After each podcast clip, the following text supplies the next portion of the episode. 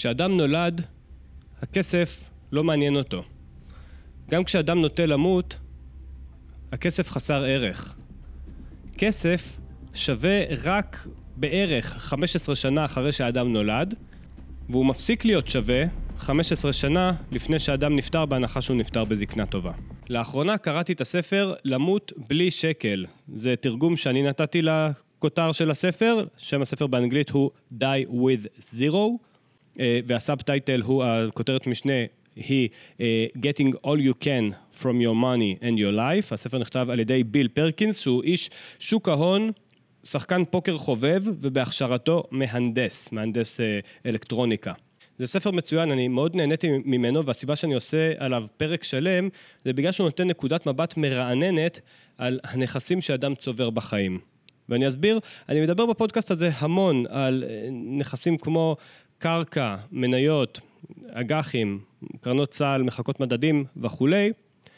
דיברתי מעט גם על חוויות ועל הערך של צבירת חוויות בגיל צעיר, יצא לי לדבר על זה, אבל נקודת המבט המרעננת של ביל פרקינס היא שחוויה, ממש כמו מניה או כמו דירה, היא גם ערכה עולה עם השנים, אבל היא גם משלמת דיבידנד.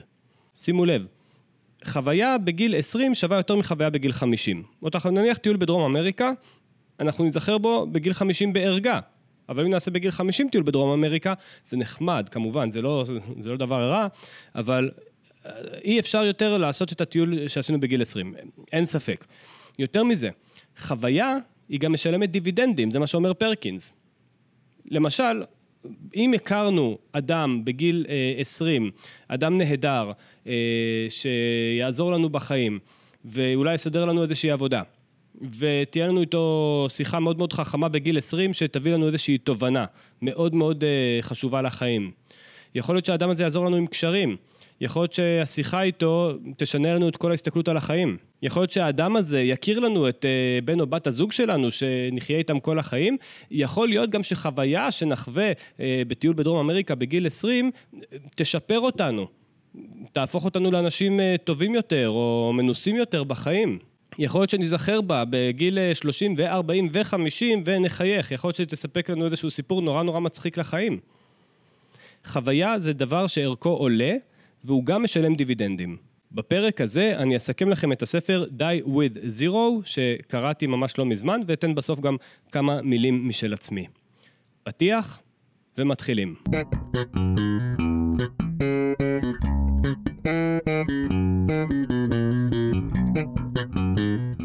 ברוכים הבאים לפודקאסט השקעות לעצלנים. אם זאת פעם ראשונה שלכם פה, אז הפודקאסט הזה בגדול מנסה לפצח את החיים האלה. אני תמיר מנדובסקי, מחבר הספר השקעות לעצלנים, שמדבר על השקעות ארוכות טווח בשוק ההון, ואני רוצה לשתף אתכם בחוויה שאני חווה כבר יום-יום, מאז שהפודקאסט הזה הפך להיות הפודקאסט המואזן במדינה. אני מקבל כל הזמן בקשות מכל מיני חברות ותאגידים לפרסם בפודקאסט הזה. אני בפודקאסט הזה לא מפרסם שום דבר שאני אישית לא מאמין בו ושלא הייתי ממליץ לאחי הקטן, אה, אם היה כזה. אה, או דברים שאני עצמי עושה, את זה אני כן מפרסם. היום, בסוף הפרק הזה, אני אספר לכם על משהו חדש שאני עצרתי, תחכו לסוף אם אתם אה, רוצים. אה, עד אז, אני אספר לכם על הספר Die with Zero. הנה אנחנו מתחילים. הספר הזה, זה ספר חומרי ורוחני באותה המידה, ובמידה רבה אפילו. כל אחד מהם, הוא גם מאוד רוחני והוא גם מאוד uh, חומרי. הספר בעצם הופך אה, חוויה למוניטר, הוא בעצם מדבר במונחים מוניטריים על חוויות, אני אקרא לזה ככה. הספר הזה מדבר במונחים מוניטריים על חוויות.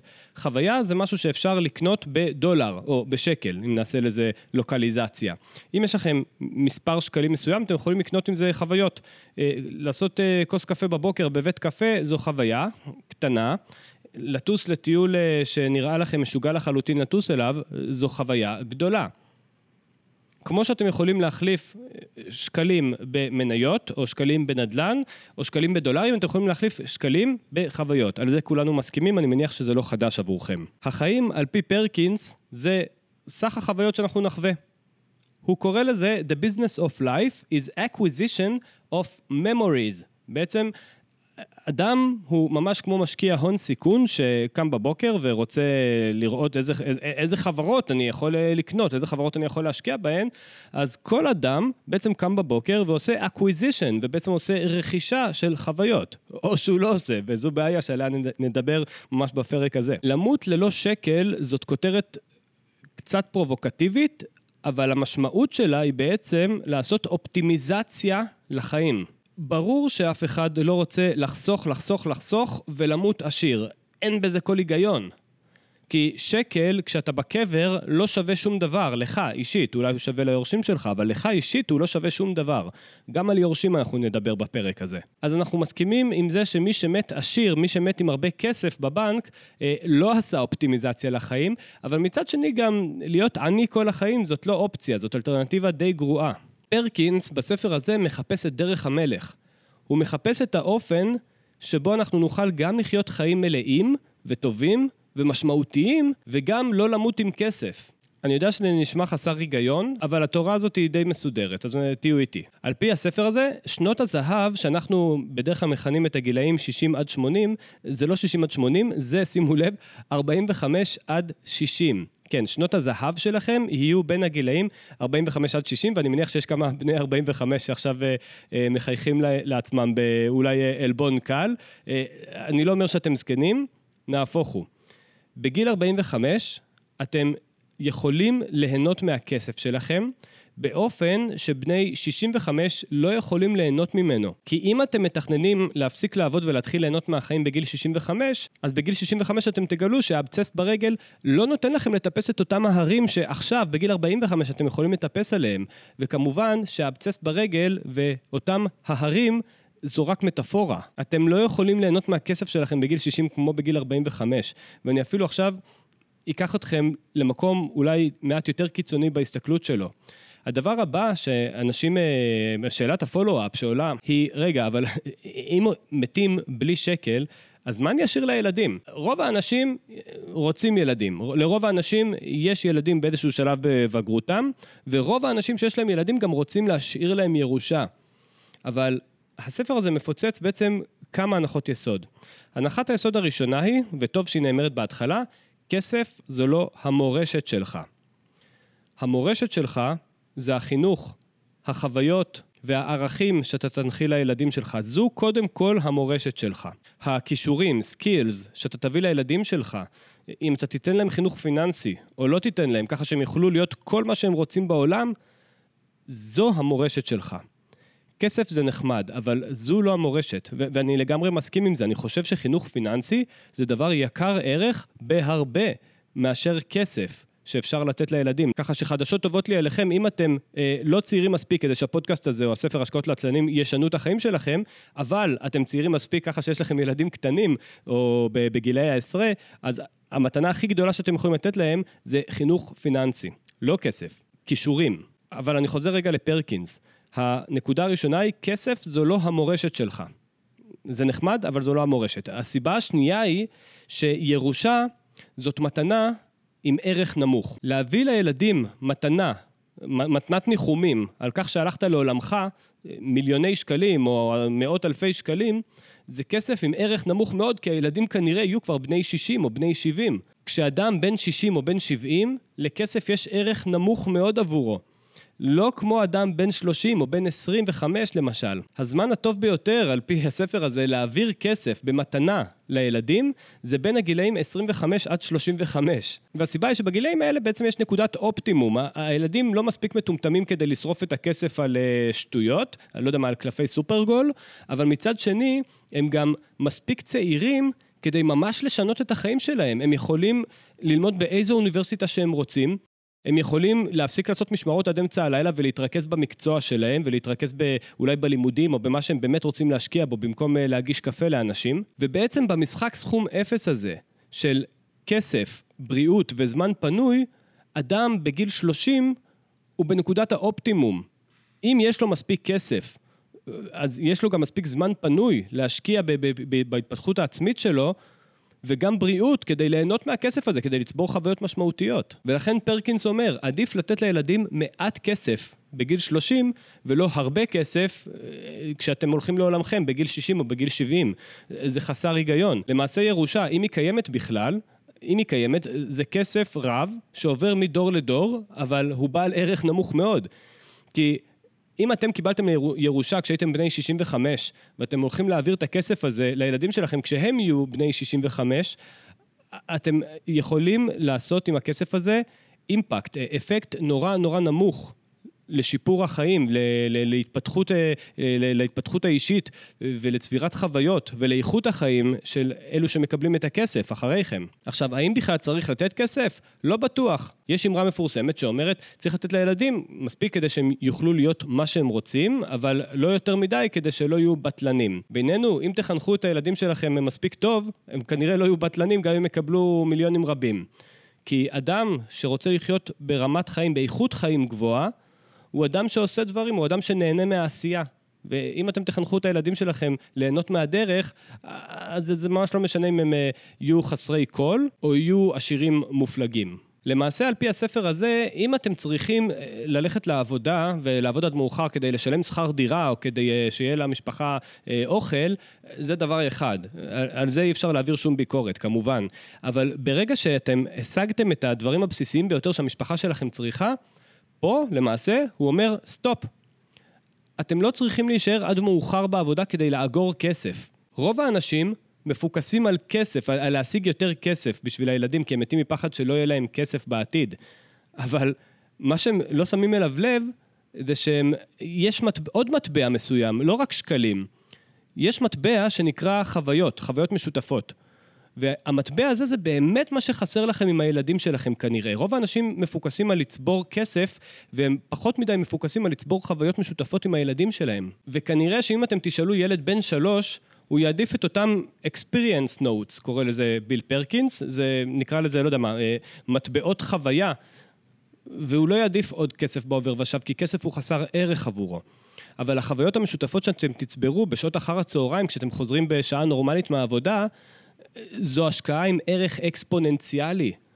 יש את השיר, השיר שאני אישית מאוד אוהב, אני תמיר מנדובסקי, והסופר אה, ביל פרקינס מזכיר אותו מספר פעמים, פעמיים, אם אני לא טועה, במהלך הספר, אה, Cats in the Cradle. הסופר מזכיר בספר פעמיים את השיר Cats in the Cradle, השיר של הארי אה, צ'פין, של, אה, שחידש אותו, שחידשו אותו אגלי קיד ג'ו, הרבה מכירים את החידוש ולא את השיר המקורי.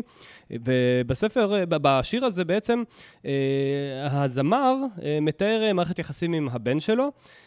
שבהתחלה הילד נולד, uh, came to the world in the usual way, uh, but there's a plans to catch and bills to pay. הוא בעצם עסוק במרדף הזה של החיים, והוא לא מצליח להקדיש לו את ה... אה, לילד את הזמן שהילד מבקש ממנו. וככה אנחנו בעצם לאורך השיר רואים, אה, מאזינים אה, לילד גדל, ובסוף האבא מגיע לגיל זקנה ורוצה קצת זמן עם הילד, אבל אז הוא מגלה, he'd grown just like me. My boy was just like me. הילד פשוט גדל ממש כמוהו, ועכשיו לילד יש את התוכניות שלו ואין לו זמן לאבא. זאת אומרת, כשלילד לא היה ערך לכסף, האבא היה עיוור לצרכים האמיתיים של הילד ולא הקדיש לו זמן, אבל אחר כך כשהוא הפך להיות מבוגר ועכשיו לא אין ערך לכסף, הילד רודף אחרי הכסף, וכך הקרמה התהפכה עליו. וזה שיר באמת מאוד מאוד מרגש. עכשיו, השיר הזה בעצם מלמד אותנו על זה שאנשים עסוקים מדי בלאגור כסף, אבל פחות מדי עסוקים בילדים עצמם, בחוויות המשותפות שלהם איתם. חוויות משותפות זה מטבע מאוד מאוד יקר. ואם אתם הורים לילדים קטנים, אז לא רק שכדאי לכם לחזור מוקדם מהעבודה, בגלל שזה יהיה טוב יותר לילדים שלכם, שוב, גם כאן יש עליית ערך, אבל גם תשלום דיבידנד. כי הילדים שלכם, אם אתם תחוו איתם חוויות משותפות אחר הצהריים, אז אתם תהיו קשורים יותר. ולכן, גם כשאתם תהיו מבוגרים, שהכסף פשוט לא מעניין אותם, הילדים שלכם כנראה יהיו שם בשבילכם, כי הם יגדלו בדיוק כמוכם. ויהיה ביניכם דבק חזק יותר שמאחד ביניכם. פרקינס בעצם אומר, אל תורישו כלום. אפילו לא שקל, תמותו עם אפס שח. הירושה שלכם צריכה להיות אפס שח. אני עוד רגע אדבר בהקשר הישראלי, איך זה, מה זה בעצם אומר עלינו, אבל מה שהוא אומר במילים אחרות, ירושה זו מתנה. לתת את המתנה הזאת אה, לילד שלכם כשהוא בן 70 זה חסר היגיון, זה לא רציונלי, אבל עדיף לכם לתת את המתנה הזו כשהוא בן 20 או בן 30 או בן 40, וזה יעזור לכם להגיע לנקודת האופטימום של למות עם אפס. אם אתם אוהבים לתרום כסף, למשל, הרבה אנשים ככה לעת זקנה תורמים קצת כסף למטפלת שטיפלה בהם נאמנה, או לאיזושהי אגודה שהם מאוד מאוד מסכימים עם האג'נדה שהיא מקדמת. עדיף לכם, אומר פרקינס, לתת את התרומה הזו כשאתם צעירים יותר, ושהתרומה תהיה קטנה יותר, כן. למה? כי אם אתם רוצים למשל לעזור לילדים נזקקים, לא משנה, ילדים שצריכים אה, שמיכות בלילה, אם אתם גרים באזור קר, אה, או ילדים שצריכים חינוך, או ילדים שצריכים טיפול רפואי. אותו ילד שעכשיו צריך 100 אה, שקל בשביל שמיכה, עוד 30 שנה זה כבר לא יעזור לו. אותו ילד שצריך עכשיו שיעור פרטי, או עכשיו ניתוח, יעזור לו שאתם עכשיו נותנים לו 100 שקלים, עוד 30 שנה, אם תיתנו לו 10,000 שקלים, זה כבר אבוד. זה, זה, זה, זה, זה חסר תועלת. יש לילד הזה כבר ילד, כמה ילדים שצריכים, אה, אה, ש, שהם נזקקים כנראה בעצמם. פרקינס עושה אופטימיזציה לחיים, לא רק בעניין של כסף, אלא בעניין של בריאות. הוא גם עושה אה, מוניטיזציה לבריאות. הוא בעצם הופך את הבריאות לסוג של אה, מטבע שכזה, והוא אומר, השקעה בבריאות זאת גם השקעה אקספוננציאלית, ממש כמו השקעה בשוק ההון אה, או השקעה בנדל"ן. ועכשיו ניגע בזה. כמו שרוב האנשים מפוקסים על להשיג יותר כסף ולא מפוקסים על להשיג חוויות משותפות עם אנשים משמעותיים, אנשים מפוקסים כל החיים על להשיג כסף ולא להשקיע בבריאות שלהם, ולא להשיג בריאות יותר טובה. עכשיו, השקעה בבריאות זה השקעה עם ערך אקספוננציאלי, על פי הספר Die With Zero. בעצם, כמו שאנחנו יודעים, אה, עד גיל 20 אה, אנחנו unbreakable, אבל אה, מגיל 20 אנחנו ככה לאט לאט מבינים שאנחנו לא יכולים לקפוץ מגובה חמישה מטרים והברכיים שלנו יישארו אותו הדבר. אנחנו לאט לאט מתחילים להרגיש את ההשלכות הפיזיולוגיות על הגוף שלנו, ההשלכות מהבחירות שלנו. אם אנחנו לא עושים ספורט בכלל ולא משקיעים בתזונה, אין מה לעשות, בגיל 35 אנחנו נהיה שמנמנים. ובגיל 45 אנחנו כבר נהיה שפופים. צפופים, ויתחיל כבר אה, להיות לנו מאוד לא נוח לעשות דברים שפעם היו נראים לנו מאוד טריוויאליים, כמו ללכת. ובגיל 55 אה, נתחיל אה, להתנשף מפעולות מאוד מאוד בסיסיות, ובגיל מאוחר יותר אנחנו אפילו כבר בסכנת חיים. השקעה בבריאות לא רק, תעשה, לא רק תחסוך לכם כסף בטיפולים רפואיים, היא גם תהפוך את היכולת שלכם להמיר כסף בחוויות לטובה יותר. כי אדם בן 65, אם הוא במצב בריאותי לא טוב, אז זה לא משנה כמה כסף יש לו, הוא לא יכול לטייל יותר. הוא, הוא לא, יהיה לו קשה מאוד לצאת מהבית למפגשים חברתיים, אה, או לא יודע מה, או להתרוצץ אחרי הנכדים שלו בפארק. אבל אדם בן 65 עם יציבה טובה, שהוא בכושר סביר, יכול עוד ליהנות מהכסף שלו. זאת אומרת שלכסף שלו יש ערך. הפיק אה, פרקינס מדבר על הפיק של אדם אה, בחיים. אה, נכון שהנקודת אופטימום, אין מה לעשות, היא בין גיל 25 לגיל 35, אבל אנשים שהם בבריאות טובה, אז נקודת האופטימום מתרחבת, היא יכולה להגיע עד גיל 40 או 45, מקום שבו אתם עדיין יכולים להשפיע משמעותית על החיים שלכם עם כסף. אתם יכולים לעשות את זה רק באמצעות בריאות טובה. וגם כאן, ככל שאנחנו מתחילים מוקדם יותר, ככה הערך של ההשקעה שלנו גדל עם השנים. מי שיתחיל להשקיע בבריאות שלו בגיל 20, יהיה לו הרבה יותר קל בחיים. לא רק זה, לכסף שלו תהיה הרבה יותר משמעות, יהיה הרבה יותר ערך. הוא יוכל להמיר את הכסף שלו ביותר חוויות למשך יותר זמן, לאורך כל החיים, מאשר מי שבגיל 65 מחליט, אוקיי, אני עכשיו אה, לראשונה בחיי, מחליט אה, להקפיד על תזונה ועל אימונים. עבורו כבר אה, מה שהיה היה, הוא כנראה איבד כבר כמה שנים של יכולת להמיר כסף בחוויות, אה, וגם הכסף שהוא המיר בחוויות, הוא כנראה יכול היה להוציא מהכסף הזה הרבה יותר. שימו לב כמה שבריאות והשקעות כל כך דומים. גם השקעה קטנה בשוק ההון מגיל מוקדם, בעצם הופכת. לרווח אקספוננציאלי. אני אתן אה, דוגמה קטנה בסוף הספר. יודעים מה? אני אתן אה, כבר עכשיו דוגמה די טובה. אני פשוט רשמתי לעצמי מראש את הנתונים. בן 25 שמתחיל לחסוך היום סכום קטן, אוקיי, למשל 2,500 אה, שקלים בחודש, יכול להגיע בגיל 45 לסכום של 1, אה, נקוד, לפחות, כן, 1.3 מיליון. זה די יפה, כן, אם הוא משקיע באפיק יחסית מנייתי, שמניב, והנחת התשואה שאני שמתי כאן היא 7% בשנה. אה, שווקי מניות מובילים מפיקים אפילו יותר מכך, נדל"ן ממונף מפיק אפילו יותר מכך, אבל הנחתי 7% בשנה, גם סכום די קטן, 2,500 שקלים, זה מה שאתם מפקידים בפנסיה ובהשתלמות שלכם, זה כנראה אפילו יותר מזה. עכשיו, אותו הדבר בדיוק בבריאות, כי אם בחור בן 25, למשל, מחליט, אני לא משתמש במעלית בבוקר כשאני הולך לעבודה, אני משתמש במדרגות. אני, אני, לא, אני שונא חדר כושר, אני שונא, לא יודע מה, תזונה ודברים כאלה, אבל מאמץ לעצמי הרגל קטן, אני משתמש במדרגות. אתם לא מבינים מה זה אומר על שרירי הליבה שלו, אתם לא מבינים מה זה אומר על, הד... על היציבה של האיש הזה בגיל 45, זה אומר הרבה מאוד. הרגל קטן. מספיק שאדם מחליט אה, בגיל יחסית צעיר, בגיל 30, אני מפסיק עם האפים, אני מפסיק עם שתייה מתוקה. האפקט הוא מיידי והוא אקספוננציאלי לאורך כל החיים. יהיה לו, לאיש הזה הרבה יותר קל גם להיכנס לכושר אם הוא מחליט לעשות את זה אחרי חמש שנים. לפני שאני ממשיך, אני מסכם את הנקודות עד לכאן. אה, חוויות זה מטבע עובר לסוחר, אפשר להחליף כסף בחוויות, אלה חוקי החיים. אה, שנות הזהב שלנו אה, זה לא גילאים 60 עד 80, אלא זה גיל 45 עד 65. השנים שבהם אנחנו יכולים לעשות הכי הרבה עם הכסף שלנו ולהשפיע הכי הרבה על החיים שלנו, זה גילאים 25 עד 35. מה יישאר לילדים שלנו אחרי שנמות, אם אנחנו מתים עם אפס ש"ח, קודם כל יישארו להם אה, ערכים, אה, כישורים אה, ומשמעות וזיכרונות טובים. אבל חוץ מזה, לתת לילדים ירושה בגיל שבו אנחנו נפטרים, זה חסר משמעות, אנחנו צריכים לתת להם את הכסף בגיל שהם באמת יכולים להשפיע על החיים של עצמם, אבל הם לא מטומטמים מספיק בשביל לשרוף את הכסף הזה. מה שילדים באמת צריכים בחיים זה חוויות משותפות עם ההורים שלהם, הם לא באמת צריכים הרבה כסף. אם אתם אוהבים לתרום כסף, תעשו את זה בסכומים קטנים כשאתם צעירים ולא בסכומים עצומים כשאתם מבוגרים. אה, לבריאות יש ערך כספי וערך מעריכי. אם אתם משקיעים בבריאות כשאתם צעירים, אתם מרוויחים בריבית דריבית. יופי, אני ממשיך. הגיל הביולוגי לעומת הגיל הכרונולוגי. אה, דיברנו מקודם על ההשפעה של הבריאות, על הגיל הביולוגי לעומת הגיל הכרונולוגי. אוקיי, הגיל הכרונולוגי זה כמה שיום הולדת האחרונה שחגגתם, זה הגיל הכרונולוגי שלכם. הגיל הביולוגי זה כבר תלוי באיך אתם משקיעים בעצמכם, אה, מבחינת אה, בריאות, מבחינת איכות חיים.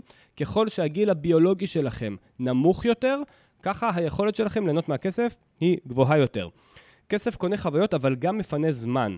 מי שמשלם כסף לאדם אחר שיקפל עבורו את הכביסה, שיסדר עבורו את הבית אחרי שהוא עבר דירה, אה, שלא יודע מה, שיוציא את ה...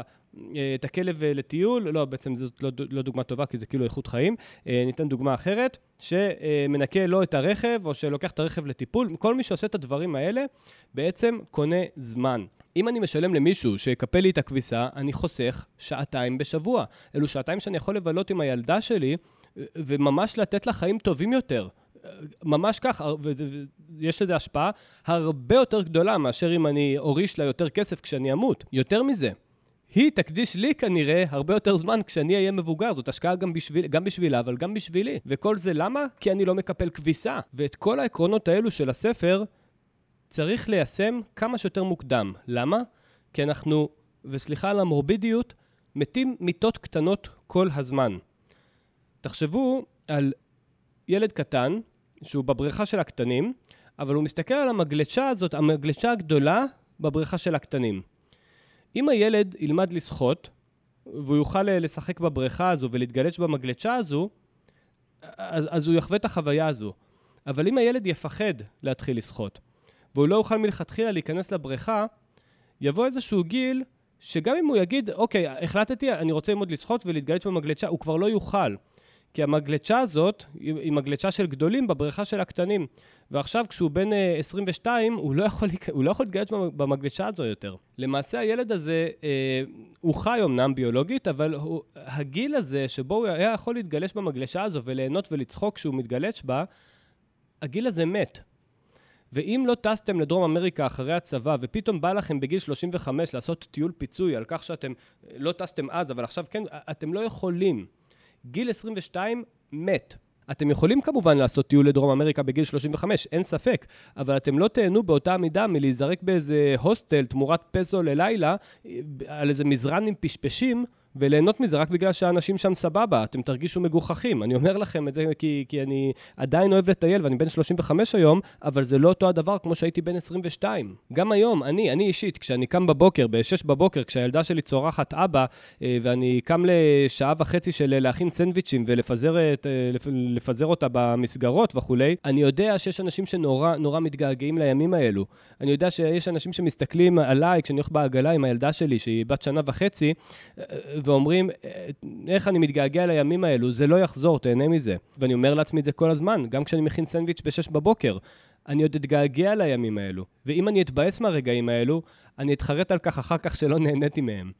אני יודע שזה נשמע מוזר, אבל חרטות זה דבר שאפשר ללמוד ממנו. וחרטות, ממש כמו ניסיון עסקי, עדיף ללמוד מניסיונם של אחרים. עדיף ללמוד מחרטות של אחרים. רוב האנשים מתחרטים שהם לא נטלו סיכונים גדולים יותר בחיים כדי להשיג את החלומות שלהם. רוב האנשים מתחרטים על זה שהם בילו יותר מדי זמן במשרד. אני לא מכיר בן אדם מבוגר שאומר, אני חושב שביליתי פחות מדי במשרד, אני הייתי צריך לבלות יותר שעות ככה בפלורסנטי. אני לא מכיר אנשים כאלו. אבל אנשים שלא נטלו סיכונים ועל כך הם מתחרטים, יש בשפע. פרקינס בעצם מציע בספר לעשות bucket list. הוא בעצם אומר, אה, כמו הסרט bucket list, אני לא יודע אם אתם מכירים, אבל סרט אה, אה, שמציג אה, שני אנשים אה, שהם בעצם חולים סופניים, שעושים אה, אה, רשימה של אה, משאלות שהם רוצים להגשים לפני שהם מתים. ופרקינס אומר, כולנו חולים סופניים, אנחנו הולכים למות. ולא רק שאנחנו הולכים למות, אנחנו מתים כל הזמן מיטות קטנות. ולכן אנחנו צריכים לעשות bucket list ולהגשים את החלומות שלנו כל הזמן. וככל שאנחנו נעשה את זה מוקדם יותר, ככה יותר טוב. גם כאן, נכון, העיקרון הזה פועל. יחס הסיכון פרמיה. אוקיי, אני דיברתי כבר כמה פעמים בפודקאסט הזה על סיכון פרמיה.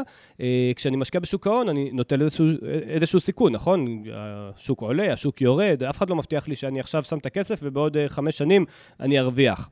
אבל דווקא בגלל שיש תנודתיות בשווקים, אנחנו קונים כשזול, אנחנו קונים כשיקר, אנחנו קונים כל הזמן, ולכן יש גם, אנחנו מקבלים גם את הפרמיה, את, ה, את הפרס על זה שנטלנו את הסיכון. אבל בחיים שווה לקחת סיכונים בגיל מוקדם.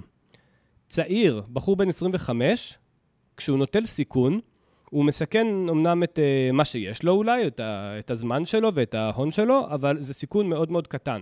הפרמיה מאוד מאוד גדולה. הרבה יותר מאשר אה, אישה למשל בת 55, שיש ילדים קטנים שתלויים בה, ויש אה, עבודה וקריירה שכבר טיפחה, ואם עכשיו היא תיטול סיכון, זה סיכון מאוד מאוד גדול, אבל הפרמיה מאוד קטנה. כי בחור בן 30 שהקים עסק והצליח, והוא עכשיו, לא יודע, מיליונר למשל, זה שווה הרבה הרבה יותר מאשר בן אדם בן 55 או אישה בת 55 אה, שהקימה עסק והצליחה ועכשיו היא מיליונרית, אבל היא בת 55. היכולת של בן 25 או בן 30 או בן 35 ליהנות מהכסף וליהנות, מפירות ההצלחה היא אקספוננציאלית. יש לו עכשיו עסק לכל החיים שיכניס לו כסף. יש לו עכשיו, אה, כן, אולי הוא רוצה להפסיק לעבוד, אולי הוא יכול להיות עכשיו אה, מיליונר ורק ליהנות כל החיים. יש אנשים כאלו, כן, אבל זה אנשים שנטלו סיכון. מה שיש לו להפסיד לבחור הצעיר זה הרבה הרבה פחות. במילים אחרות, כשאתם צעירים, הדאונסייד של הסיכון שלכם, מה שיש לכם להפסיד, הוא מוגבל. אם אני בן 30 ואני רוצה לעבור להיות אה, משכיר לעצמאי למשל, הסיכון שאני נוטל הוא מאוד מאוד מוגבל. כי לא נורא, אני עכשיו יכול לעבוד שנתיים, אם אין לי ילדים, אה, מקסימום אני לא אכניס כסף, לא נורא, אני אחזור להיות שכיר. אבל ה upside הוא ענק, כי אם אני אצליח ויהיה לי עסק מוצלח והרבה לקוחות ומוניטין טוב, אז אני סידרתי לעצמי את החיים, לעצמי ולילדים שלי ולנכדים שלי. אבל אם אני בן 55, ה downside גדול, וה upside קטן. היכולת שלי עכשיו ליהנות מההון הגדול שאני אעשה, לא כל כך גדולה. היכולת לא כל כך אה, טובה כמו של בחור צעיר. הבנו את זה. לסיכום, הספר Die with Zero, או כמו שאני כיניתי אותו בתחילת הפרק, למות בלי שקל. מדבר על כך ש-The business of life is acquisition of memories. וואו, איזה משפט. כמו שאיש שוק ההון קם בבוקר, אה, או איש אה, עסקים קם בבוקר אה, וחושב לעצמו, אוקיי, איזה acquisition אני אעשה, איזה, איזה עסקה תהיה לי טובה, כך כל אדם צריך לקום בבוקר ולהגיד, אוקיי, איזה acquisition אני אעשה? איך אני הופך את החיים שלי ליותר בעלי משמעות? ואיך אני משקיע יותר טוב בבריאות שלי, בקשרים משמעותיים, בחוויות, בזיכרונות, ככה ש... אני אפיק מהכסף שלי הכי הרבה. המטרה שהספר Die with Zero בעצם מציב לנו היא מטרה מאוד מאוד... איך אני אקרא לזה? מטרה מאוד קשה, כי למות בלי שקל אה, ולעשות כזאת אופטימיזציה לחיים, אה, זה מאתגר במיוחד במציאות הישראלית, ופה אני אתן את השני סנט שלי. בישראל יש כלי שנקרא גמל. גמל זה בעצם המוצרים הפנסיוניים שיש לכם. קרן פנסיה, קופת גמל פנסיונית, ביטוח מנהלים וקרן השתלמות. כל האפיקים האלו הם פטורים ממס. אם לאורך החיים אתם צברתם, ואם בגיל צעיר אתם עברתם למסלול אה, שהוא אה, מנייתי שתואם את, ה, אה, את, ה, את הגיל שלכם ואת הסיבולת התנודתיות שלכם בתור אנשים צעירים, אז אתם כנראה תסיימו את החיים שלכם עם הון פנסיוני רב, או לפחות תגיעו לגיל פרישה, סליחה, לא תסיימו, אני, לא, בואו לא נקפוץ ישר לנקודת הסיום, אתם תגיעו לגיל הפרישה עם הון פנסיוני רב. ההון הזה הוא פטור ממס, אין בישראל מס ירושה, אוקיי? פעם היה, היום אין. אבל אתם תגיעו לגיל הפרישה עם אה, הון פנסיוני אה, רב, שהוא גם פטור ממס רווחי הון. אתם יכולים להוון את, ה, את הקופות האלו למיניהן לקצבה. אה, קרן השתלמות זה כסף ממש מזומן, אתם יכולים ממש לא, אה, אה, למשוך אותו ככסף מזומן. אבל את הקופות גמל פנסיוניות או קרן פנסיה וכולי, אתם יכולים להוון בעצם לקצבה פנסיונית. הקצבה הזו, אני לא אכנס עכשיו למדרגות מס, אבל מאיזשהו שלב היא נהיית ממוסת במס שולי, במדרגות. אוקיי? עד 8,000 ומשהו זה פטור לגמרי ממס, ומ-8,000 ומשהו אתם משלמים אה, מס כמו מס הכנסה. אמ, ולכן, אם יהיה לכם הון רב, אה, נכון להיום זה מעל ל-2.5 מיליון שקלים, אז שווה לכם, אם יש לכם, אה, אם, אם אתם משפחה עם הון, שווה לכם להוריש חלק מהכסף אה, כקופת גמל פנסיונית. ואז בעצם הכסף הזה פטור אה, גם, אין אין מס ירושה בישראל, אבל הוא פטור גם ממס רווחי הון. אם חסכתם כל החיים, רוב הקופה הזאת עשויה מרווחי הון, ולכן... אה, במציאות הישראלית, למות עם אפס ש"ח זה לא רעיון טוב. אם שוב, אם אני, אם אני מדבר כרגע עם אדם צעיר שרוצה לעשות אופטימיזציה לחיים שלו, והוא רוצה לתת איזושהי מתנה לילדים שלו, כנראה שכדאי לו לתת להם קופת גמל פנסיונית שתהיה פטורה ממס רווחי הון. כנראה שכל מה שאמרתי עכשיו נכון גם לקרן ההשתלמות. ככה שהדברים שפרקינס אומר בספר אה, על העברת הון בגיל צעיר, לא בטוח אה, שזה טוב לכל חוסך. אה, בישראל, אני די בטוח שזה לא נכון לכל חוסך בישראל, אבל אם אתם רוצים להעביר ירושה שהיא לא רק הגמל הפנסיוני שיש לכם, אז כנראה שעדיף לכם לעשות את זה בגיל צעיר. אה, יחסית, אפילו אם מדובר בסכומים נמוכים יותר, זאת אומרת לתת לילדים מתנות שהם יוכלו להתפתח איתם ולחוות איתם חוויות משמעותיות בגיל 25, 30, 35 ו-40, ולא לחכות אה, למוות שלכם ולהוריש להם איזושהי ירושה ענקית בגיל שזה כבר חסר משמעות עבורם. עוד נקודה שלדעתי הספר מפספס זה את הקוראים והמאזינים, במקרה הזה, המבוגרים. כי אם אתם בני 45 ועדיין לא חסכתם שקל אחד, הספר הזה כנראה לא יעזור לכם באותה המידה שהוא יעזור לבני 25 אה, שעכשיו מאזינים לפרק הזה ומבינים שהם יכולים לפתוח היום חשבון השקעות. היום. אה, אם אתם לא יודעים איך לעשות את זה, אז תקנו את הספר השקעות לעצלנים, אה, או שתאזינו לשיעור השקעות לעצלנים ב-90 דקות, שאני מיד אציג אותו. ואז אתם תבינו את הכוח של ריבית דריבית, של תשואה, תבינו את העיקרון של תנודתיות, שאלו שלושת השיעורים למעשה שכל אדם חייב לעבור. אין אותם במערכת החינוך הישראלית. אתם לא פוגשים את השיעורים האלה מתישהו, אלא אם כן אתם מאזינים בהתנדבות אה, לפודקאסט, אה, לפודקאסטים כמו הפודקאסט הזה למשל. כל משקיעה או משקיע בני 25 עם אפס ש"ח שישקיעו 2,500, נתתם קודם דוגמה על 2,500, אני אתן עכשיו דוגמה על 5,000 שקלים. נניח והם ישקיעו 5,000 שקלים בחודש, כולל קרן ההשתלמות שלהם, נניח, הם יוכלו להגיע, שימו לב, ל-2.5 מיליון. מקודם, מקודם נתתי את אותה דוגמה, רק uh, שהמספרים, חתכתי את כולם בחצי. אתם תוכלו להגיע ל-2.5 ל-2.6 מיליון בגיל 45. למה זה משנה? כי תחת ההנחה שגיל 45 עד 60, אלו שנות הזהב שלכם. זה גיל הזהב שלכם. אז זה אומר שבגיל 45 אתם תוכלו לרדת לחצי משרה, להשקיע יותר זמן במשפחה, בבריאות, בחוויות שאתם תצברו, בזמן שאתם יכולים באמת להמיר כסף בחוויות, לא כמו בגיל 65, וככה לקבל את הכי הרבה שאתם יכולים מהכסף שלכם, או כמו שאומר אה, כותר המשנה של הספר הזה, Getting all you can from your money and your life. את הפרק הזה אני אסיים בשתי אמירות מאוד מאוד פשוטות, אבל לפני זה אני הבטחתי לכם פרסומת קטנה, ממש 20 שניות, על משהו חדש שאני עושה, בגלל שעד היום אני פניתי לקוראי ספרים ומאזיני פודקאסטים, אבל אני רוצה להגיע לכל משפחה בישראל. יש לי שאיפות מאוד מאוד שאפתניות עם המסר הפשוט שאני מנסה להעביר, אז אני רקחתי שיעור בשם השקעות לעצלנים ב-90 דקות. זה שיעור שאתם פשוט, כל מה שאתם צריכים זה לקחת פופקורן, אה, לשבת על אה, אה, איפשהו נוח ולצפות בו במשך 90 דקות. השיעור הזה מלמד אתכם על תנודתיות, על ריבית דריבית, על תשואה, אותו שיעור חובה שכל אדם בישראל צריך לעבור, אבל הוא לא עובר אף פעם. אני עשיתי לכם אותו ברמת הפקה מאוד מאוד גבוהה, השקעתי המון בשיעור הזה. יש לו עלות 43 שקלים בלבד, אבל זה באמת שיעור חובה. אני משאיר לכם לינק פה למטה ב description. אם לא קראתם את הספר ואתם לא קוראי ספרים, אני מאוד מאוד מאוד ממליץ לכם לצפות בשיעור הזה, ואם אתם כבר הרבה זמן מנג'סים למישהו לקרוא את הספר והוא לא עושה את זה, אז שילחו לו את השיעור הזה. למטה ב description. אני מסיים עכשיו את הפרק עם שתי אמירות מאוד מאוד פשוטות. הזמן הכי טוב להתחיל להשקיע לטווח זמן ארוך מאוד הוא היום.